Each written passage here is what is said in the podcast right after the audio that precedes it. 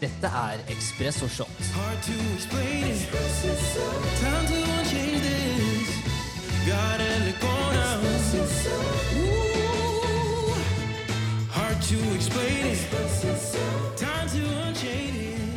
Hei, Nico. Hallois! Hvordan går det? Det går bra. Velkommen tilbake til eh, nok en episode av Espresso Shot. Oh, takk for det. Hvordan har uka vært? Det har vært en eh, solfylt uke. Det begynner å bli varmere nå på kysten her, så det er deilig. Ja, og det er for de få som ikke vet hvor eh, Nico er nå. Han er jo da i Australia, han er ikke i Kautokeino, for de få som ikke skjønte det. Eh, Men det er bra det har vært et fint, fint vær. Hvordan gikk det med Dere hadde jo en lockdown sist vi prata. Hvordan har det vært? Ja, men vi har jo ikke egentlig Vi er ute av det nå, så ikke så mye å klage på, egentlig. Det har ikke påvirket meg noe særlig. så... Nei. Du har bare fortsatt å surfe, du. Ja, det er jo bare restriksjoner på butikker og ulike steder du kan gå, på en måte, så jeg er ikke så avhengig av å gjøre alle de tingene. Så det har egentlig gått veldig greit. Ja, men Så bra. Og uh, siden sist vi pratet òg, så vi pratet litt om, uh, litt om det før vi gikk på tråden her, og det er jo uh, stoisisme. For du har jo nå kjøpt den nye boka til Ryan Holiday. Eller ikke den nye, men hva heter den boka? Jeg kanskje begynne med det? Er det 366 dag... Nei, hva er det for noe? 366 Daily Stoics. Jeg er ikke helt sikker, jeg har ikke fått den ennå, så vi får, eh, vi får egentlig se hva som kommer. Men jeg gleder meg, jeg gleder meg til å hoppe inn der. Altså. Jeg, har ikke, jeg har egentlig ikke lest den særlig om uh, stoicism, så det, dette blir spennende. Men du har jo lest litt mer enn meg. For meg så har det vært veldig det, egentlig det, det som er interessant med det, er jo selvfølgelig det er jo ord som har blitt skrevet ned og kommunisert videre av eh, mange historiske figurer. Da, og, det er alltid fra på en måte Marcus Aurelius, den som vi snakka om, den siste gode keiseren før på en måte Romerriket eh, gikk til helvete. Pardon my French. Eh, og så har du på en måte andre også politiske aktører som på en måte har praktisert det her gjennom sine karrierer. Da. Så det er jo det er noe som har vært der veldig lenge, men jeg tror liksom prinsippene er like, eh, like relevant i dag som det var da, og kanskje mer relevant i dag faktisk også. Så det, mye av det handler rett og slett bare om eh, tilnærming til livet, eh, på en måte ikke bli for tilknytta til materialistiske ting. Så, og det er litt det de formidler på en veldig bra måte, og særlig Ryan Holiday, da, som også har en egen podkast som også heter The Daily Stoic, som jeg vil anbefale alle på det sterkeste, fordi han, han på en måte bryter ned kanskje mer komplekse skrifter da, og, og reflekterer litt om hva det har å si for dagens samfunn. Så nei, det, Jeg gleder meg til å høre hva du syns om boka, for jeg har ikke lest den. så jeg gleder meg til å høre litt. Ja, Det blir bra. Jeg har jo bare sett noen av de um, quotesa som kommer opp uh, her og der. Jeg følger noen av de sidene på Instagram, og uh, det skiller seg ut. Det, det. Altså, har de jo, det høres ut som de har stått, uh, stått gjennom tida, og at det er noe visdom som kan være hjelpsomt i dag. Og, og, en av de som, som skilte seg ut, og det pratet vi om for noen dager tilbake, og det var rett og slett at på en måte dedikere livet ditt til å alltid bli bedre. På en måte Det var veldig dårlig oversatt fra engelsk, da, men dedicate your life to progress. Uh, jeg er helt enig. Jeg leste den quoten selv, jeg, jeg lagra den. Um, jeg synes den er, den er, fin. Det er fin leveregel, den der, å tenke at man alltid ønsker å bli litt bedre hva enn det er i. Um, altså, Hva er alternativet? da? Det, er jo, det høres ut som det er det beste alternativet for min del. og Det betyr jo ikke at man, man trenger å bli helt uh, obsessiv uh, i forhold til det man gjør, men at man, man tenker hvordan kan det bli bedre, og ikke nødvendigvis uh, Jeg tror det er forskjell på hva folk tenker på da, når de, når de tenker på å bli bedre. Noen tenker kanskje at uh, det handler om alltid pushe, pushe, pushe, mens andre tenker nei, men det handler jo om å bli bedre på på hvile, det handler om å bli bedre på, på sove, det handler om å bli bedre på, liksom, på, på, dine ferdigheter, og på in business eller på sport, eller hva enn det er. da. Så det er interessant. Ja, og jeg syns jo det er egentlig en ganske bra innfallsvinkel til det vi skal snakke om i dag. Um, for i, dag er episode nummer to. Forrige gang så prata vi om uh, Tor Haugnes, uh, intervjuet vi hadde med han, og tematikken motivasjon. Um, og I dag så går jo selvfølgelig mye av det samme inn i det òg, men i dag skal vi prate om Håvard Tvetten og uh, flow. Hvordan komme i en slags på en måte fokustilstand da, som gjør at du kan klare å prestere ganske bra. Uh, og Der har vi også mye interessant forskning. Um, men først om Håvard Tvetten også. Han er jo en av eh, på en måte verdens beste håndballspillere gjennom tidene. Uh, og etter å ha hørt det intervjuet med han, så skjønner man at det er ikke tilfeldig. Eh, for å si det sånn. Og han forklarer om hvordan han allerede fra en tidlig alder begynte å trene hardt for å nå de målene han satte seg, og først og fremst at han skrev de målene ned, som veldig mange ikke gjør. Flesteparten kanskje ikke gjør det i det hele tatt. Og, så det er, det er, så mye vi skal grave inn i i, i dag. og eh, på en måte Et par av de, de punktene som vi også har skrevet ned, er jo i forhold til hvordan han visualiserte, og det er også en viktig del av å komme inn i en flow-tilstand. På en måte indre dialog, ta eget ansvar, være en lagspiller, trene på å gi bedre tilbakemeldinger, være til stede i eget liv og lære nye ting hvert år, som vi også skal se om vi kan gjøre noen eksperimenter med framover. Um, men først og fremst, det viktigste å høre her, er jo hva var dine tanker etter du hørte, hørte det intervjuet? Håvard um, kommer med masse gode råd, eh, og han, um, han har jo vært på um, i toppen i håndball i mange år og veit hva han snakker om og har erfart og prestert på det høyeste nivået. Så jeg syns det var ufattelig spennende å høre hvordan han, han tok reisen fra uh, da han starta til å komme seg dit han kom. og det som pekte seg mest ut for meg, var jo egentlig måten, strategien og approachen han tok um, for å forbedre en ferdighet eller for å bli god på noe. da. Um, som jeg håper vi kan, vi kan, dykke litt dypere inn i. Men han, han, snakket jo om dette her med å, som du nevnte, å skrive ned et mål, som er veldig sånn basic. Det må man jo ha. Man må ha et fokus. Veldig viktig. Og så må man ha fokus når man trener, og så må man tørre å spørre om hjelp, som han var veldig god på. Um, og samle et team og tenke på ok, det er andre som er bedre enn meg på ulike ferdigheter. Hvordan kan jeg få hjelp fra dem for at jeg skal bli bedre på dette her? Og han var veldig sånn åpen for å bli bedre. Det hørtes egentlig ut som det var mindre ego. da. At ikke det var bare sånn Nei, det her fikser jeg på egen hånd. Men at det var Hei, hvordan kan jeg bli bedre? Og så tenker han på alle disse små detaljene. Um, veldig nysgjerrig. Jeg synes det er utrolig kult å høre.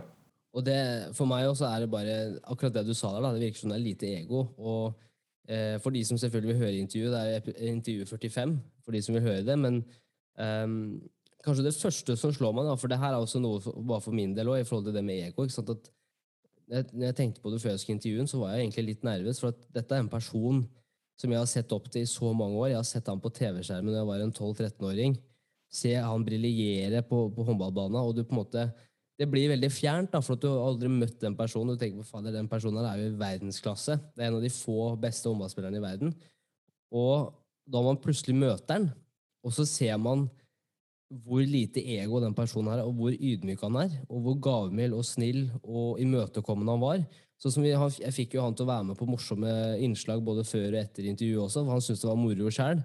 Og på en måte det bare sier noe om han som person. da. Eh, at du møter alle mennesker med, med, på en måte like verdier. da. Du mener at alle mennesker er like mye verdt, og det selvfølgelig det er jo eh, klisjé, for at det, han har jo vært et forbilde for meg, men bare i forhold til hvor imøtekommende han var, jeg tenker bare det, det sier mye, da. Det er det. Han snakket, han snakket jo også om dette med lagspill mye. Og hvordan, eh, hvordan eh, danne det, den, det samholdet i, i, laget, men også i businessverden. Som jeg snakket om litt senere i episoden. Så det, det er jo interessant da, å høre at han var såpass um, um, god lagspiller da, i podkasten med deg.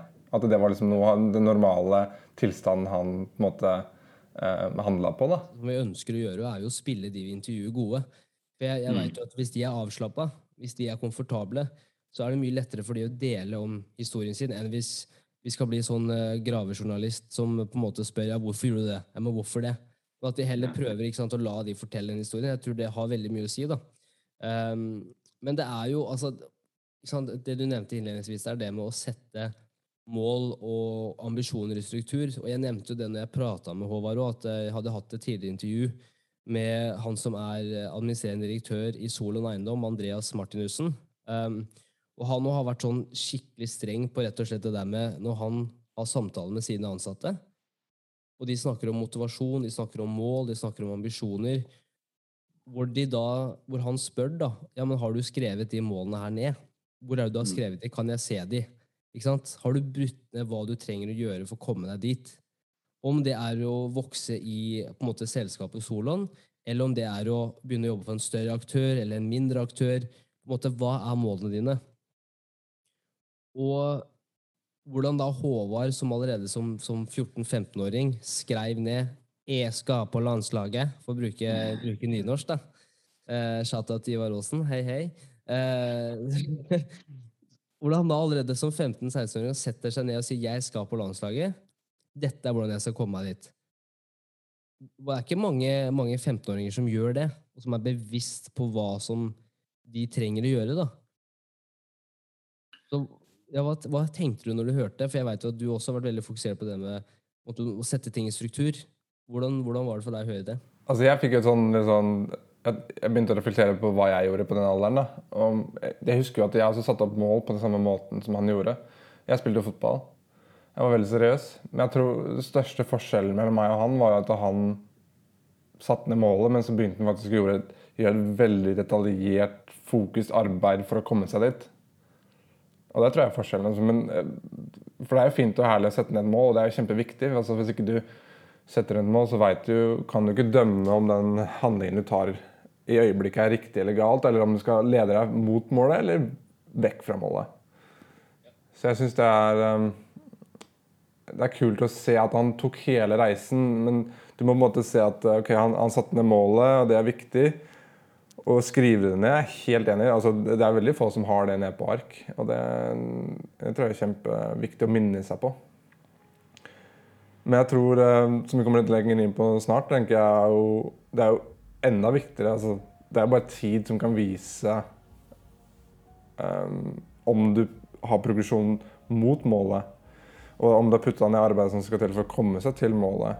Og åpenbart så har han gjort det. Så han satte seg et mål, og det betydde noe for han. da. Det var viktig for han. Og så putta han inn innsatsen.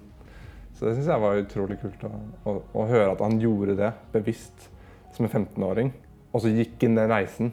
Så kan du se at OK, det funka. Eh, Det er jo tid som kan vise om du kommer deg nærmere målet, og det er jo handling som også gjør at du kommer nærmere målet. Og jeg tror for veldig mange så En ting er jo å sette seg det målet og faktisk vite hva er det jeg har lyst til å gjøre. Hva jeg har lyst til å gjøre med livet mitt. Det er på en måte én ting, eller hvor ønsker jeg å være om så og så mange år. Men en annen ting som jeg har tenkt mye over, er jo altså, mål og la oss si strategi, ambisjoner, det betyr jo ingenting hvis du ikke backer det opp med handling. Så det er jo litt av de to tinga. Hvis du er god til å sette en strategi, du er god til å bryte ned målet, men samtidig så er du også veldig god til å gjennomføre og vite hva du må gjøre for å komme deg til La oss si du har åtte mål, og du vet at for å komme meg til mål én, så må jeg gjøre dette. For å komme meg videre da, så må jeg gjøre dette. ikke sant?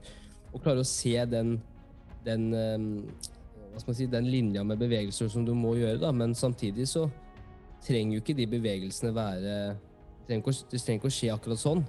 Men siden du allerede har begynt å gjøre visse ting, og du kanskje veien blir litt annerledes enn du hadde sett for deg, så er fortsatt målet det samme, men da er du allerede i den Altså du har et momentum da, for, som gjør at du veit hva du trenger å gjøre for å komme deg, komme deg videre. Det, det traff meg skikkelig når han begynte å prate om det, i forhold til at, eh, som vi også prata om, da, men eh, når han da visste at f.eks. hurtighet det var en ting han måtte bli bedre på. Ok, hva gjør jeg da? Istedenfor å la ego kontrollere og si vet du, nei, jeg er god nok. Jeg, ikke sant, ba, ba, ba, ba.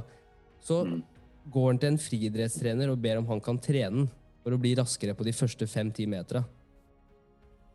Og, og selv om det kan virke som en små ting, så er det egentlig en ganske stor ting, for det sier veldig mye om eh, litt ikke sant, det med growth og fixed mindset også.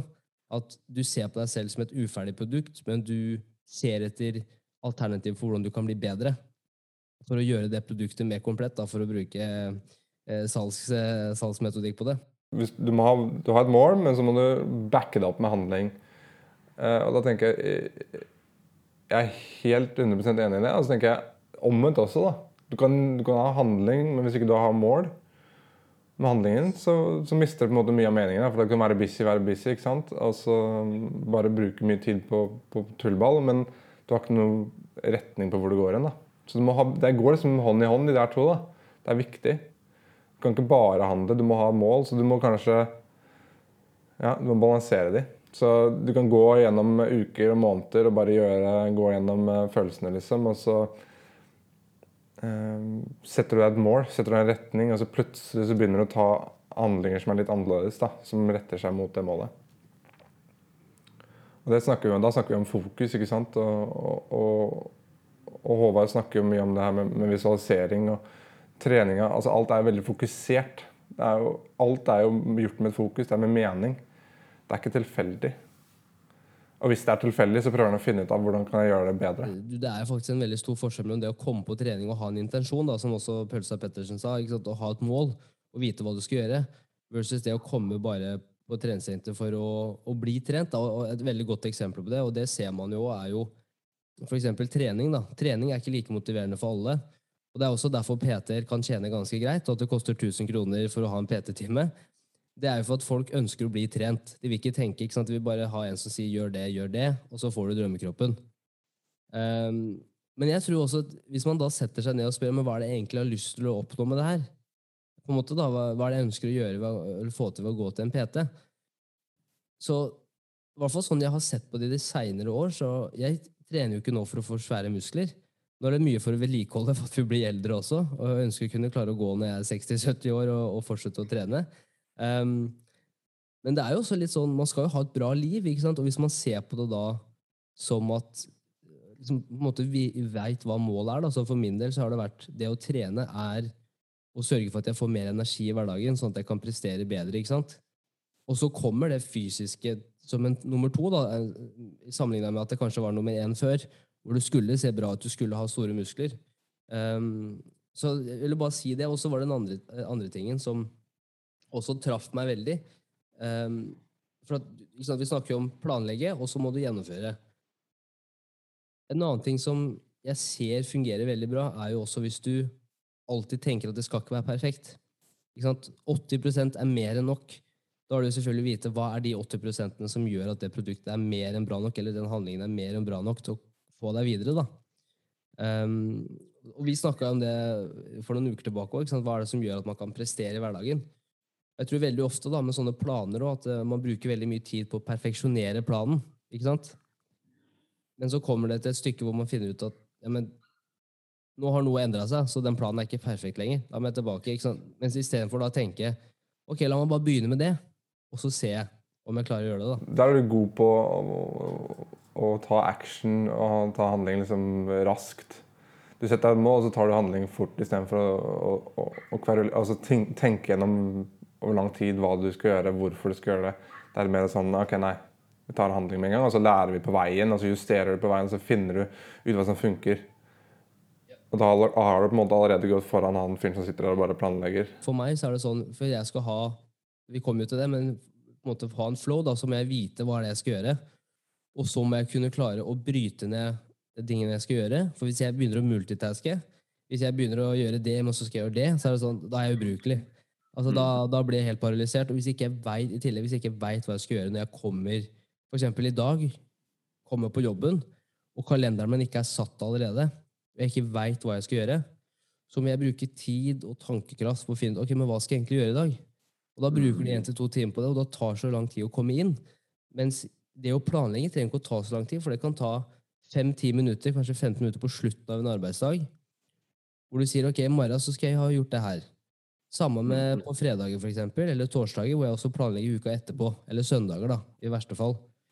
Fordi at jeg veit, og, og, Lasse Brurok nevner jo det her også med kognitiv kapasitet, ikke sant, som vi prata om forrige gang, at jeg også har en veldig lav motorikk i forhold til at hvis jeg må multitaske og bruke mye hjernekapasitet på å tenke over hva jeg skal gjøre, når jeg skal gjøre det, så går det dårlig. Da går det sakte, altså. Da, så, hvordan, hvordan lærte du deg på en måte å, å opparbeide den eh, ferdigheten? Da? For det, det, er jo en, jeg vil jo si at det er en ferdighet og, og, og i hvert fall en bevissthet å vite at ok, nå bruker jeg for mye tid. Um, er du, liksom, hvordan er det du fant ut av det? Hva har du gått gjennom for å finne ut at uh, nei, man bruker kortere tid på å planlegge før jeg kommer inn i handling? Det er jo selvfølgelig Når vi studerte òg, så fant jeg ut det veldig ofte, for jeg gjorde veldig mye ved siden av studiene, som resulterte til at jeg gjorde det, men jeg gjorde det ikke med fokus på samme måte. Mm. Så jeg opplevde veldig fort at hvis jeg hadde en eksamen, eller etter, så gikk det alltid på bekostning av den ene og andre. da. Det var alltid noe som og, og, sånn er det med prioriteringer. at Når du velger noe, så velger du bort noe annet. Og da må du på en måte kunne stå i de valgene du har tatt, og de konsekvensene av de valgene òg. Et eksempel på det er hvis du heller da velger å jobbe med eh, startupen din, eller velger å jobbe med et prosjekt, framfor å da forberede deg til en eksamen, f.eks. Um, eller jobbe litt lenger, versus da å dra hjem og være med familien. Det er, jo, det, er jo, valg, det er jo prioriteringer man tar. og for meg så tok det veldig lang tid å skjønne det, fordi at jeg trodde jeg kunne få til alt. Jeg trodde jeg kunne få tid til å forberede til eksamen, jeg trodde jeg kunne få tid til å være med venner, jeg trodde jeg kunne få tid til å jobbe da med, med, med selskapet som jeg hadde da, som var Tønder. Jeg trodde jeg hadde tid til alt mulig. Men sånn funker det jo ikke, ikke sant? Og da gikk jeg også på noen smeller, og man brenner jo kanskje lysa i begge ender. Eh, hvor jeg da kjente på at fy fader, nå Det er sånn maktløshet at man nå får man ikke til noe i det hele tatt. Ok, da må man ta et steg tilbake. Da. Og det var egentlig masse sånne, eller mange sånne situasjoner som gjorde at jeg til slutt skjønte at det viktigste for meg er gjennomføring, progresjon, føle at jeg blir bedre. Men samtidig så vet jeg også at jeg blir aldri bedre hvis ikke jeg bryter ned og hva er det egentlig ønsker å gjøre. Hva er viktig for meg? Mm. Når man stiller seg de spørsmålene, så er det mye lettere å velge, for da veit man Men det her er viktig for meg. Da gjør jeg det. Ok, men jeg bruker ikke så mye tid på det. Nei, men er det en grunn til at jeg ikke bruker så mye tid på det? Det er ikke så viktig for deg, da. Eller du ønsker å prioritere andre ting. Å kunne ta den samtalen med seg sjøl, for jeg tror veldig mange ikke tør det, da. Men det er jo helt klart at hvis ikke du gjennomfører så, eller tar handling, så kommer du i hvert fall ingen sted. Så det er litt sånn der, kanskje det er Hva kommer først? Mål, mål eller handling? Hva tror du? Uh, det er en sånn, et sånt sitat som jeg syns er, så- er så bra, men det er um, en, en, uh, en båt som på en måte ikke er på vei mot, mot, en, mot et sted, på en måte, eller mot en havn. Den bare, den bare flyter på havet uten mål og mening. Så plutselig er den der, og så er den der. Ikke sant? Og for meg, bare, for meg så treffer det så bra, for det er sånn Hvis du spør deg selv hvorfor gjør du det du gjør når du står opp om morgenen, hvorfor, hvorfor velger du å bruke tid på det? Det er samme som jeg har spurt meg sjøl så mange ganger, er hvorfor velger du å bruke hundrevis av timer på å spille inn podcast-episoder, episode på episode? Så nå har vi snart 70 episoder. Hva er det som gjør at du, du velger å bruke tid på det? Du er ikke verdens største podcaster. Du er ikke det ene og det andre. Hvorfor gjør du det? Mm. Og da er svaret for meg er at fordi det gir meg så jævlig mye energi. Jeg syns det er så gøy. Jeg syns det er så morsomt å lære av flinke folk. ikke sant? Og så lenge det er min drive, da, som kommer innenfra er noe, og det, Vi kommer til motivasjon også, men så lenge den kommer innenfra, så kan jeg fortsette å gjøre det. Men hvis jeg da hadde begynt å tenke ikke sant, ja, nå skal vi ha 100 000 nedlastninger, eller nå skal vi ha 500 000 nedlastninger, og da er podcasten suksessfull, Mm. da er du avhengig av hva andre syns. Ja. Mens jeg er heldig da, at jeg er veldig avhengig av hva jeg selv syns. Eh, og jeg syns det er moro, jeg, for at jeg gjør det for min egen del. Jeg vil lære av flinke folk. Om andre vil høre på det, ja, men så kjempebra. Hvis ikke, så går det også fint. På en måte, da. Um, så det eneste stedet hvor jeg er litt mer avhengig av andres uh, meninger, er når dama sier at musikken vi lager, er ræva. Da, kjenne, da kjenner jeg at jeg blir Eller at jeg ikke kan synge. Da blir jeg veldig lei meg. Da begynner jeg å kjenne en sånn klump i halsen. Hvem er du? Da begynner egoet mitt å komme. Da begynner, kjenner jeg det egoet komme inn. At, I hvert fall de seinere åra føler jeg liksom at faen, altså. Skulle du blitt artist? Skulle hatt uh, fem millioner streams på Spotify. Ja. Men jeg ser jo det der prosjektet der som at du, du, du velger jo å steppe utenfor komfortsonen med noe du ikke veit hva du driver med, og prøver å bli bedre på det.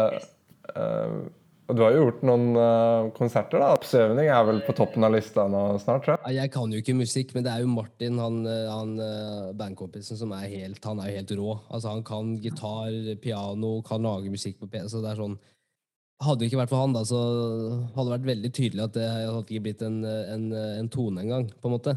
Så jeg er heldig at jeg får lov til å gjøre det med folk som kan 100 ganger mer enn meg. For å si det sånn. Så da går vi inn på hva Håvard gjorde. Da, da bringer du inn folk som kan noe. Altså, må, du- må, nå må du bare finne noen som kan lære deg å synge, ikke sant? og da, da begynner det å klaffe. Men det er så synd at det ikke er flere timer enn 20 24 timer i døgnet, fordi at det er så mye svakheter som jeg må prøve å bli bedre på, så jeg må samle mennesker, da. Så, nei, men, men det er jo det er akkurat det du sier der, litt sånn som det med Håvard, at um, på en måte dedikere livet til å bli bedre, da, og utforske nye ting. Jeg er også veldig nysgjerrig, jeg syns det er spennende med nye ting, og, og, og se, ok, men det her har jeg ikke gjort før. Ok, kan jeg prøve det, da, så kan vi se om vi, vi klarer å lage noe god stemning, da. At vi har det gøy. Um, og det er på en måte det, det jeg prøver å få til alt, er at kjedelige ting trenger ikke å være kjedelig, men det er mer eh, på en måte persepsjonen da, eller opplevelsen du har av det når du gjør det. Uh, på en måte. Uh, hvis de mener, og, og for meg så er det liksom det med Musikken er bare et veldig godt eksempel på Jeg gjør det fordi at jeg ønsker å steppe utafor den comfort-sonen. Noe jeg ikke jeg er ikke komfortabel på det hele tatt. Altså det å synge foran folk. Eh, og heldigvis altså, går vi ganske langt for å få folk til å forstå at vi kødder. Og det Mm. tror jeg vi også gjør som en forsvarsmekanisme. Eh, I hvert fall meg. At jeg gjør det sånn at folk skjønner at det her gjør Henrik for at han skal lage underholdning. Og han skal prøve å bli flinkere til ting, men kødde på veien, da. Eh, hvis, ja, hvis folk hadde tatt oss veldig seriøse, som de gutta der er De skal, altså de skal bli the next big thing. Tror de selv, da. For de har ikke noe selvinnsikt. Det gjør vondt. Det er nok en forsvarsmekanisme. Sånn, bare gjør klart at hei, vi kødder. Vi har det gøy. Um, Men hvordan hadde det sett ut hvis du faktisk hadde prøvd å Prøver du faktisk å, å få det til, eller er det for kødd? Nei, altså, jeg sier ikke det høyt, da, men det har jo vært gøy å, å få, noen, få noen streams på Spotify. Altså, selvfølgelig, det er jo dritmoro. Det er bare 100 000 som hører på, så det er greit. Men, eh, men det er litt den derre um, Hva skal man si? Altså den eh, uh, Så lenge på Og det er også en annen ting, da. Så lenge man gjør det i et team, så er det det viktigste. Så, så lenge jeg og Martin gjør det sammen, og vi begge har eierskap til det, og vi begge føler at vi blir bedre, og vi utvikler oss um, Men samtidig også at selvfølgelig musikken blir sik- Sikkert noen musikkanmeldere som er uenige, men at den blir bedre uh, for hver låt. Så er det det som betyr noe for oss, da, først og fremst. Um, men selvfølgelig, vi er jo mennesker. Vi er jo drevet av uh, Vi er jo sosiale dyr. Vi er jo drevet av andres oppfatninger av oss også. Selvfølgelig så er det en liten tanke i bakhuet mitt som tenker hadde det vært jævlig gøy hvis vi Mhm. plutselig står på VG-lista foran 100 000 mennesker, I don't know, og kanskje synger Blåmandag, eller Selvfølgelig, man, man tenker jo på det. Uh, men så er det litt det å være realistisk òg, da. På en måte, Hvor er det man begynner, og så eventuelt hva må man gjøre da for å, for å utvikle seg sånn, da. Jeg synes det er veldig interessant. Det er, hvis du står på scenen og, og, og velger å gå inn for det 100 og tenker at nå skal, jeg, nå skal jeg prestere, den er smertefull hvis du føler at du ikke har eh, ferdigheten ennå til å gjøre det. Det er er veldig viktig det du sier der, for det, det å, nå skal jeg ta det, nå skal jeg, liksom, nå skal jeg prestere. For det er noe vi er veldig strenge på. Sånn, jeg og Martin, når, før vi skal Om det er jo vi skal opptre for liksom 15 stykker, eller om det er 450, da, som vi gjorde for en uke tilbake, som er helt insane. Men da, da sa vi at vi skal ta humor på alvor. Så selve opplevelsen og gjennomføringa, det skal være sjukt profesjonelt. Altså, det skal være sånn Vi skal være spot on med jokes, det skal være underholdning, det, musikken det skal være fengende. Eh, om det er noen sure toner, det er ikke det viktigste, men det er gjennomføringa. Ikke sant? Mm. Hvis folk ser oss på scenen og de tenker at dæven, de gutta her har det jo moro, da kommer det til å smitte over. Ja. Hvis vi går opp der og er dritnervøs og er sånn Ja, kropp, sangen heter Kroppsund Nei, faen! Ja. Men da, da, nå vinkler du det jo litt inn til, um, inn til flow også. Da. Jeg tenker jo på en av de hovedreglene for å komme inn i flow state. Det handler jo om at du legger en utfordring foran deg som er um, kombinerbar med ferdighetene du har. da. Så la oss si du har stått på, foran, på VG-lista, du har stått foran eh, hvor, er de står foran, hvor er de står i Oslo har den konserten? På Rådhusplassen. Um, I morgen så hadde du kanskje ikke vært klar for det. Så kanskje du nå liksom, du prøver å finne der, hvor er det utfordringsnivået, hvor jeg kan føle meg komfortabel nok med å utfordre meg selv. Eh, og så blir det en over tid, hvis du fortsetter å putte inn fokusert arbeid, da vil jo den bli, kan du deale med større utfordringer. ikke sant? Mm, Men det er jo en veldig interessant måte å se på hvordan du faktisk håndterer det. med, flyt, med flytsonen er jo det, altså Bare for å touche videre innpå det, i forhold til det der med indre dialog At man må, man må kunne liksom snakke med seg sjæl og prøve å finne ut ok, hva er det egentlig jeg er redd for. For det er jo litt sånn uansett hva man skal gjøre, om det er Håvard når han skrur på håndballbanen, eh, om det er jeg og Martin som skal synge på en scene, eller om det er før man skal ha et intervju med noen man ser opp til, eller man skal gå inn i et salgsmøte, så er det litt liksom, hva er det man sier til seg selv før man skal ut i ilden. da. Mm. Eh, og da kommer den visualiseringsdelen der, òg, at, at du har vært der før. Det er en trygghet å vite at du har vært der før. Du har gjort det her før 100 ganger oppi huet ditt. Og du har fortalt deg selv at det her er noe som gir mening for deg, da, og noe som du er veldig god på. Um, og så er det den andre tingen også som Håvard snakka om, og det var jo rett og slett det med um, Han bruker et positivt eksempel, eller en hendelse, som har gjort at han har følt seg bra. Så når han skal gjøre ting som krever, krever noe annet, så går han tilbake til den hendelsen, hvor han får den samme følelsen, som gjør at han er, han er positiv, han er motivert før han skal inn i en eh, øvelse. da.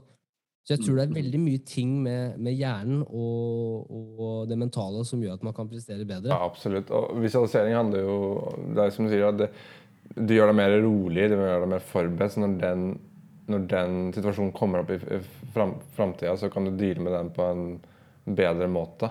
En mer fokusert måte. Men det handler jo litt om La oss si du, du skulle da um, ha den konserten på Rådhusplassen eh, i morgen eller neste uke. Og måten du kan tilmelde på. Du kan jo ikke, kan jo ikke forbedre synginga di så mye neste uke. ikke sant? Så, men hvis du visualiserer, da, så kan du da Tanken min er at hvis du, hvis, hvis du virkelig um, er effektiv på å visualisere som Håvard er, så kan du da redusere den utfordringa. Altså, du kan gjøre den utfordringa litt mindre enn hva den er. da, Kanskje selv om det bare er 10 Så kan du senke det ned til et nivå hvor du er liksom, ok, jeg kan deale med det som kommer opp, mer eller mindre. da. Og så vil du selvfølgelig Jeg liker måten han ser for seg et øyeblikk som han har hatt tidligere, eh, som kanskje booster litt selvtillit eller som selvfølelse. Da, at det her er jo, jeg veit hva jeg driver med. Det, er kult. Og så tenker jeg også på andre Hvis du flipper den, da, tenker jeg det er viktig å visualisere hva som kan gå gærent, og hvordan du dealer med det. Og har et realistisk syn på det. Altså, la oss si at du, du visualiserer det ideelle ut, resultatet. Og så går du tilbake igjen på hvor du er nå, og så er du kanskje et helt annet sted. Og det er litt smertefullt, for da, da tenker du sånn jeg, jeg ser for meg at jeg kommer til å bli en multimillionær, men så klarer du ikke I øyeblikket så har du ikke muligheten til å betale leia. Det er jo litt smertefullt, ikke sant? Men, men det er realistisk, da.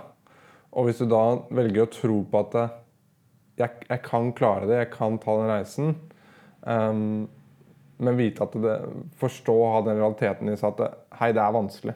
Det kommer til å være tøft. Men jeg har virkelig troa på at eh, hvis jeg putter inn innsatsen og fokuset over tid, så kan jeg klare det.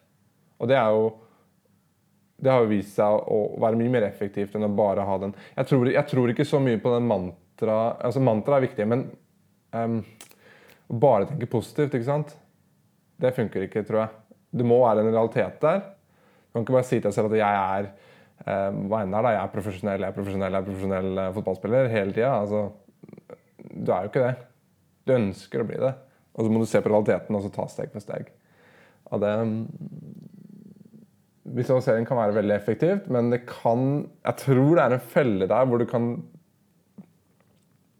begynne å bare tenke, tenke positivt, ikke tenke noe negativt. Da ordner ting seg. det der med Hvis man ser på folk som får til ting, da det tror ikke man prater så, så mye om det. Men jeg tror også veldig mange av de har en De er veldig, de er, de er veldig hyperkritiske til egne handlinger. De alltid ser etter uh, muligheter for å gjøre ting bedre. Eller hvordan de kan forbedre ting, sånn som Håvard liksom, med løpinga når han var yngre. Han har sikkert gjort det 100 ganger gjennom livet, hvor han veit at okay, dette er det jeg må bli bedre på, dette ønsker jeg å utvikle. Ok, det er ikke de peneste sidene med meg, men da må jeg gjøre noe med det. ikke sant? Og jeg, jeg tror at det er så undervurdert, da, for vår generasjon og helikoptergenerasjonen, ikke sant, som har puter under armene, ikke sant, det er curlinggenerasjonen, og foreldre skurrer foran oss, og vi får alt det vi vil. ikke sant? Jeg tror barn i dag da, blir oppdratt til å bare høre det positive, at alle får medalje. Ja, skal du være med? Ja, du er, helt, du er utrolig dårlig i den idretten, men det er klart du skal få medalje. Ja, ikke sant? En sånn derre eh, privilege, da. Privilegiet at jeg fortjener det og det og det. Men så ikke I realiteten så tenker man ikke liksom jeg må gjøre meg fortjent til det her. Eller livet er ikke rettferdig.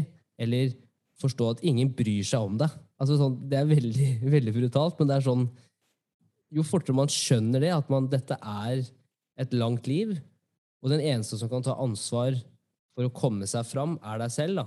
Og den selvinnsikten er så undervurdert, tror jeg, fordi at det er litt det samme som å jobbe på et team. Eller sånn som for min del, å jobbe med, med på en måte salg og prosjektledelse. Og vi jobber på å samle flere beslutningstagere fra bedriftens side, kundens side. Og så har vi et salgsmøte, og så leder jeg møtet, eksempel. Og så når det møtet er ferdig, det jeg fokuserer på, det er ikke hva jeg gjorde bra. Det er hva gjorde jeg dårlig? Hva kan jeg gjøre bedre? Hva var din opplevelse av det møtet her? Hvis da jeg har kollegaer som sier ja, men det var kjempebra, Henrik, du var kjempeflink, det var perfekt, du kunne ikke gjort noe bedre. Hva slags tilbakemelding er det? Mm. For da blir jeg jo ikke bedre. Det jeg vil høre, er det der var jævlig dårlig. Eller det der var skikkelig dårlig. Her må du gjøre det bedre. Hvorfor gjorde du det? For det er sånn man, det er sånn man blir bedre, på en måte. Men da må man komme til det stadiet, enten med seg selv eller bygge den tilliten i gruppa. At man kan ta imot tilbakemeldinger. Jeg synes det det er mye å ta i der. Det, det, det første du snakket om, var jo det her med å gi medaljer til alle. Ikke sant? Alle får samme medalje. Det betyr ikke så mye hvordan du presterer. Og da, da tenkte jeg umiddelbart på um, en av de ledende psykologene innenfor motivasjonspsykologi som skrev boken 'Mindset', Carol Dweck. Um, og hun um, introduserte jo Fix the Growth Mindset, som vi har snakket litt om før. Um, som vi kanskje skal snakke litt om seinere. Men uh, hun nevnte en ting som, som virkelig sto ut for meg, og det, det handlet om måten man um, gir tilbakemeldinger til hverandre på. da. Som vi kaller for praise. Altså hvordan du Hvordan du um, Hva er det norske ordet på praise? Altså hvordan du Anerkjennelse. hvordan du anerkjenner eh, prestasjoner. da. Ja. Og, Yes. og det hun viste jo det med forskningen sin hvor effektivt og hvor eh, ødeleggende det kan være. Måten du eh, anerkjenner folk på. Så det er to forskjellige måter. Du kan anerkjenne det for resultatet, og så kan du anerkjenne for innsatsen. Og hun mener jo at hvis du anerkjenner for innsatsen, så er det mye bedre motivasjon for, for barna å ta med seg videre. For da skjønner de at det, hei, jeg må legge inn arbeid for å få til hva jeg ønsker. Hvis du bare anerkjenner resultatet, så tror de at hei, hvis jeg bare lurer meg til et bra resultat, hvis jeg tar en shortcut, um, så får jeg den samme anerkjennelsen. Og så lærer du barnet da, over tid å tenke at hei, hvis jeg bare tar noen shortcuts i livet, så får jeg den anerkjennelsen. Men det er mye viktigere å, å, å anerkjenne at hei, du må putte inn innsats over tid. For hvis du klarer å, å innarbeide den i livet, at du hei, jeg, jeg veit at eh, jeg må putte inn innsats, da kan du få til hva som helst. Um, særlig, med, særlig med de som vokser opp i dag, da, så tror jeg Det der å ikke bli fortalt på en måte Hvis du hele tida blir fortalt at du er et ferdigprodukt, eller du hele tida blir fortalt hvor bra du er, så tror jeg det gjør noe med hvordan du møter livet. For at når du da plutselig eh, havner i situasjoner hvor du ikke klarer å mestre noen ting, eller hvor du ikke er best, da. Et godt eksempel på det er jo de som kommer fra mindre byer, Eh, eller eksempel da når du vokser opp, så har du veldig mange som på ungdomsskolen, videregående, de er best i det ene og det andre. Ikke sant? De piker på videregående, som vi sier. da. De er best i idrett, får best karakterer, mest populære jentene, og så kommer det voksne liv, og så plutselig så er de da en, en, en, en liten fisk i en stor dam da, versus å være en stor fisk i en liten dam. Mm. Og da er det ingen som har sagt de, de tingene som vi prater om nå. Da. Det er ingen som har fortalt de at altså, samfunnet er egentlig, altså Voksenlivet er egentlig ganske brutalt. Det er mange ting som skal være til rette da, for at du skal ha det bra. Og til syvende og sist så er det du som gjør noe med det. Og det er ikke alltid ting går din vei. Og det går helt fint. Og du kan ikke alltid være best, og liksom alle de tinga der, da. Men du må jobbe, du må legge inn en innsats. Så tror jeg det er veldig mange som får sjokk. Fordi plutselig så står de der og bare Men jeg er ikke best lenger. Mm. Jeg er ikke kjekkest lenger. Ikke sant? Eh, Jeg har ikke de beste karakterene, jeg er ikke best i idretten. Og så skjønner man Nå må jeg faktisk jobbe. Og mange kan jo leve på talentene sine ganske mange år. Mm. Men til syvende og sist da, så butter du jo, da. Og det var jo derfor det, sånn som Håvard også sikkert, han har jo sikkert hatt en veldig bra genetikk. Ikke sant? Bra utgangspunkt. Men hallo, han har jo jobba ræva av seg. Hvis man, bare, hvis man har forstått det som unge, noen hadde fortalt deg og lært deg at det, hei, det tar lang tid, og du må putte inn innsats over tid, og du må faktisk gjøre det harde arbeidet, fy fader, da hadde du vært foran mange av kidsa når du, hvis du går ti år fremover tid. Det der med, vi sier det så mange ganger, men maraton, ikke et sprint. At det, det skjer ikke på én dag. Nei. Det tror jeg hadde endra mindsetet til veldig mange, da, for da skjønner du at ja, men, ja, men du er kanskje best nå, men jeg skal jobbe mye hardere enn deg over en lengre periode. Mm. At ja, ja. Men så nå har vi, vi har jo prata veldig mye om artistkarrieren min, eksempel. eh, Jeg syns du, skal snakke- mer om det, men ja, ok. Men, men litt sånn i forhold til, eh, til Håvard og det med flytsonen, da. For du, du nevnte jo litt om det, men ut fra hva, hva din forståelse av det er? Er? Hvordan kommer man inn i en flytsone? Eller på en måte, først og fremst, hva er en flytsone? Ja, det er mye, det er et stort tema, men det er jo egentlig ganske enkelt også. Um, flow er jo på en måte storebroren til fokus. Så hvis du tenker på fokus, når jeg prøver å fokusere på hva du gjør, så er det viktig for å få ting gjort. I en flytsone så er du i en state hvor hvor du er uten distraksjoner. Eh, Du er, du, er, du er ikke så veldig selvbevisst i det øyeblikket, for du tenker ikke på hva som skjer rundt deg. Eh, Du er veldig fokusert, og du får gjort et dypere arbeid enn hva du ville gjort uten det. Eh, Det kan være i sport, det kan være når du sitter og skriver, leser. Uavhengig av aktivitet. da. Um, Så fordelene med flow er jo enorme. Um, Hvordan kommer du inn i en flow state? Det handler jo mye om hva vi har snakket om allerede.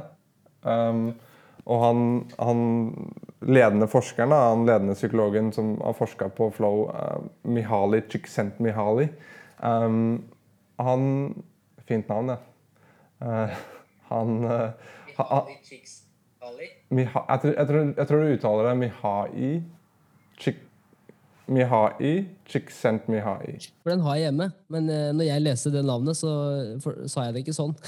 Jeg, nei, nei, det er helt, det er helt uh, Han har vel hele alfabetet i, i navnet sitt. Men i hvert fall han gir ut noen klare retningslinjer for hvordan vi kan komme oss inn i en fl- flytsone.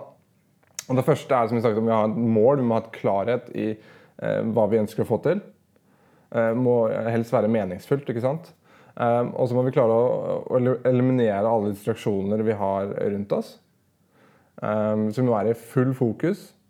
Også en av de enkleste måtene å komme inn i en flytsone på, er faktisk å ha det gøy. Du kan se for deg det når du leker eller du spiller eller du har det gøy. Da, da er tenker du ikke på noe annet. ikke sant? Du er bare helt til stede. Så hvis du kan ha det gøy, så er det lettere for deg å komme inn i en flytsone. Og så det vi snakket om tidligere, det her med å matche ferdighetsnivået med utfordringen. Eh, og det er på en måte den der ledende, eller den uh, hovedmodellen da, til flyt, hvor han uh, viser en um, uh, modell hvor, hvor du, må, du må kombinere utfordringen med ferdighetsnivået ditt. Og hvis det er um, ubalansert, så kan det lede til eh, at, du, at du kjeder deg hvis, hvis utfordringen er for lav, eller at du blir for stressa hvis den er for høy. Veldig sånn enkel modell. Så må matche de. Og så er det en eh, fyr som heter Steven Kotler, som har på en måte forska på hans forskning og forska på andre utøvere eh, i ekstremsport, og i surfing, i klatring, i alle mulige slags sporter. Eh, som også sier at du må blokkere ut mellom 90 og 120 minutter da, for å komme deg inn i en flytsone. Så du må ha nok tid til å komme deg inn i en sone. Det er ikke sånn at det bare skjer eh, med en gang. Og jeg tror en viktig ting å på en måte legge til her, da, er at eh, du kan ikke nødvendigvis um, bli Kan ikke nødvendigvis um, belage deg på at du skal komme inn i en flytsone hver dag eller hele tiden. Men du kan gjøre det beste for å komme inn i den sonen. Og i verste fall så er det veldig fokusert. Men eh, jeg tror det kanskje det viktigste å tenke er at du må ha en klar retningslinje. Um, eliminere distraksjoner. Ha det gøy. Prøve å matche utfordringen. Finne en utfordring som er litt uh, høyere enn kanskje hva du tror du får til, men ikke så høy at du føler deg for stressa. Så um, ja, det, det er noen, noen tips der, kanskje. Veldig spennende. Mm. For det er jo Jeg tror i hvert fall hva jeg tenker så, i forhold til det med å komme i en flytsone. da. Som du sier, da, liksom matche handlingen med ferdighetene. da. At det er akkurat der hvor du føler at Ja. det er utfordringen på en måte at akkurat der eh, Nå er jeg liksom i den flytsonen hvor jeg føler at dette mestrer jeg, men samtidig så må jeg strekke meg litt ekstra. Og det er jo noe som, altså Da kan man jo komme i en flytsone uansett hva man gjør i livet. på en måte, altså selv mener? At man kan, Ja. man kan også være i flytsonen øh, selv eh, en jobb som for eksempel for, for min del, da, hvor det er, jeg sitter veldig mye med mail, og det er veldig mye møter. Mm. Det å faktisk sette seg ned, skru av alle varsler, blokke ut tid, ikke noen forstyrrelser, og vite hva du skal gjøre. ha meninga med det du skal gjøre, og så på en måte begynne å gjøre det. da. Det kan være på trening lik linje, ikke sant? at du blokker ut alt mulig, forstyrrelser. Og du, altså jeg- For meg da, så er det sånn, det der er jo en oppskrift på ikke bare eh, altså, eksterne ting som suksess i forhold til idrett eller jobb, eller noe, men det kan også være med familie. Altså sånn, Være til stede med familien også. Ikke sant? Så det, jeg føler at det der er jo en oppskrift uansett hva du skal gjøre i livet, for å virkelig være til stede. Og det er jo det veldig mange av oss ønsker òg, er jo å hele tida kunne være i en tilstand hvor du er til stede. ikke sant? For det er jo det eneste du har, er jo nå, det som skjer nå. Fortida ikke sant, er jo, er jo ikke, får du ikke gjort noe med. Framtida altså, Hvis du skal leve i framtida hele tida, så plutselig er du 70 år, og så ser du tilbake på hva var det som egentlig skjedde. Så det der for meg er bare jeg, Han derre Mikael eh, Ja, Mikael. Jeg må kalle han Mikael. jeg. Hva er din egen erfaring med det her? da? Altså med nettopp, nettopp det du har til han Mikael og, og Mr. Kotler. Hva er din egen erfaring med, med det? Um, jeg strever jo for å komme inn i den sonen så ofte som mulig, men uh, jeg sliter med det selv. Og jeg prøver å finne måter å, å forbedre det på hele tiden. Og mye av det er distraksjoner. Jeg tror det er vanskelig å, virkelig arbeide nå uten distraksjoner og være 100 konsentrert. Um, det er en annen bok som heter uh, Deep Work av Carl Newport. Jeg vet ikke om du har lest den? Jeg syns det er utrolig fascinerende. Det kommer selvfølgelig an på hvilken bransje du jobber i. Jobber du, jobber du med ting som kanskje er litt på overflaten, da, så er det kanskje ikke så viktig. Men jobber du med ting som det er veldig viktig at du konsentrerer deg 100 liksom Det er i mange, mange ting. ikke sant? Hvis du prøver å bli god på For meg, da. Jeg, jeg surfer en del. Um, og jeg tenker jo på surfing ikke bare som å ha det gøy, jeg tenker på surfing som å OK, hvis jeg skal prøve å bli bedre på surfing, hvordan, hvordan gjør jeg det, da? Og da prøver man å implementere mange av de tingene som jeg lærer fra flow, men også fra noe som heter deliberate practice. Eh, måten å trene på et bedre nivå. Og du eh, Måten jeg vil på en måte implementere det i surfinga, vil være å, som Håvard snakket om, å få hjelp fra ut, uh, andre folk som er bedre enn deg på hva du driver med. Få input. Kanskje filme deg. Uh, gå ut og så ha ett mål om hva du prøver å få til. Um, og så fokuserer du på det. Og så prøver du å ha det gøy samtidig. ikke sant? Så du prøver ikke å putte såpass mye press på deg, da, som du snakket litt om det her med kroppsøving. Du, du, du ønsker ikke å putte såpass mye press på deg at du ikke presterer. Så det må være en utfordring som er balansert.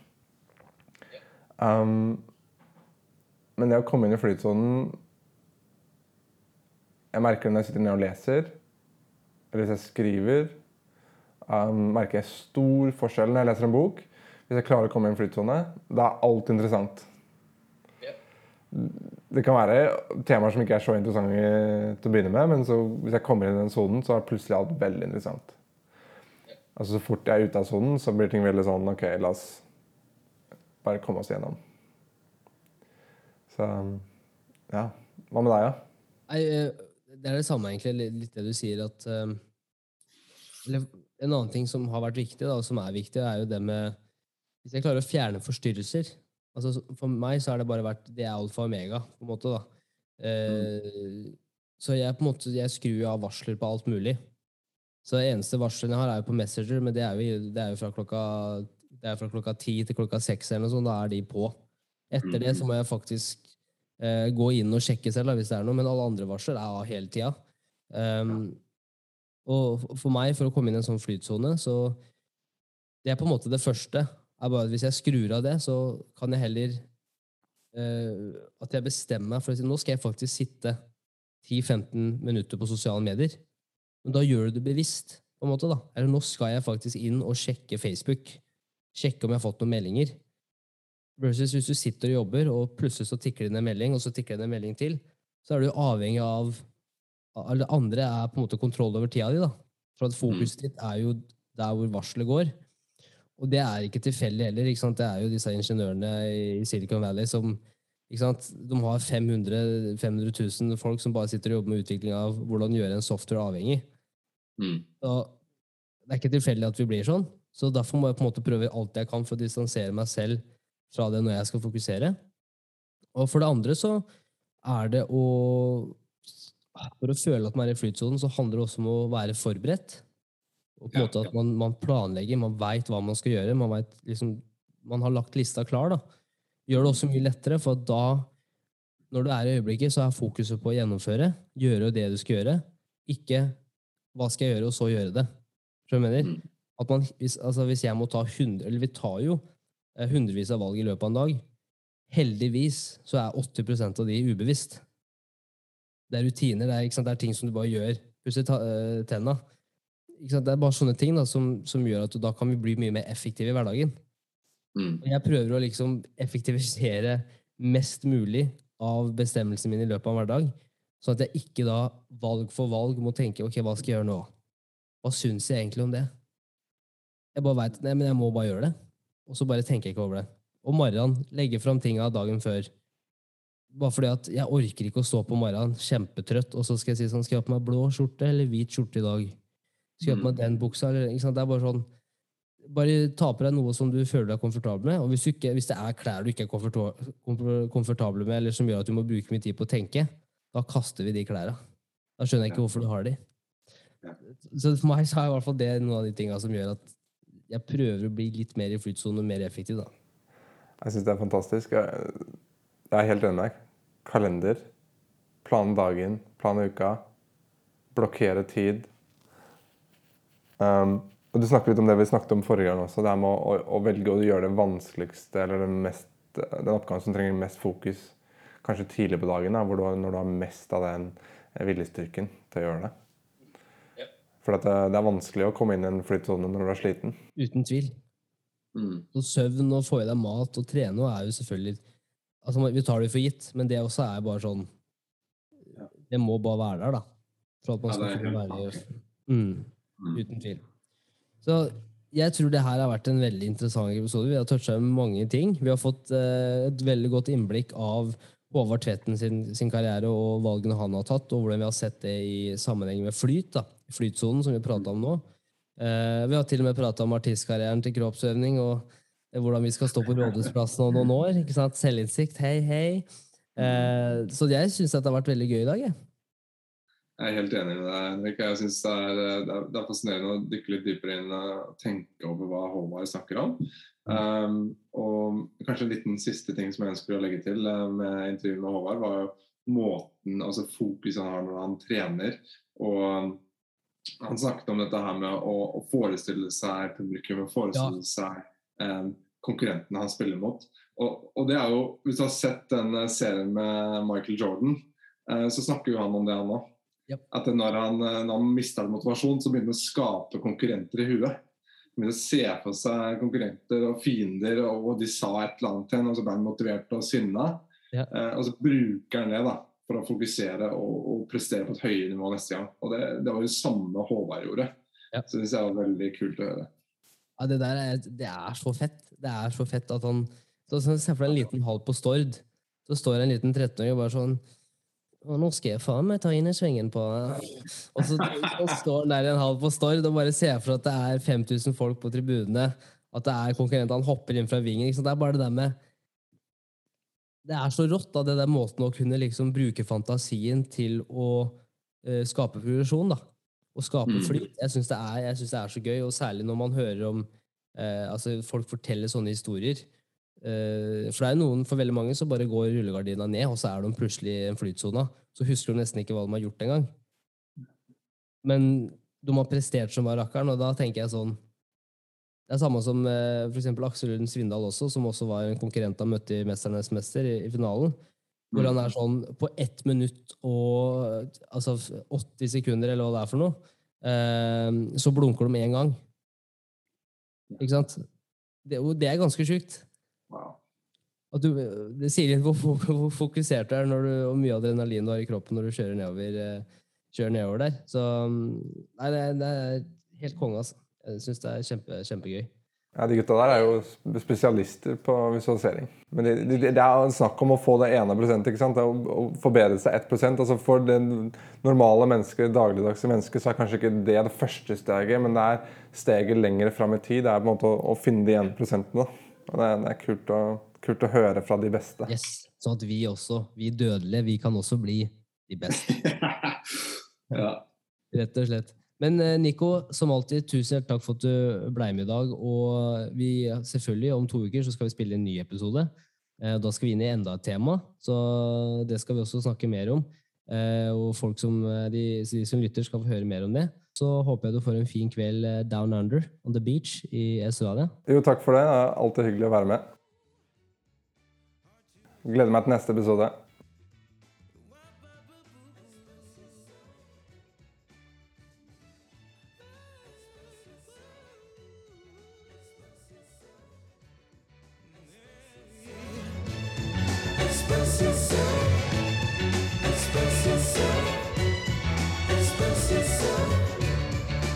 Dette er Espresso Shot.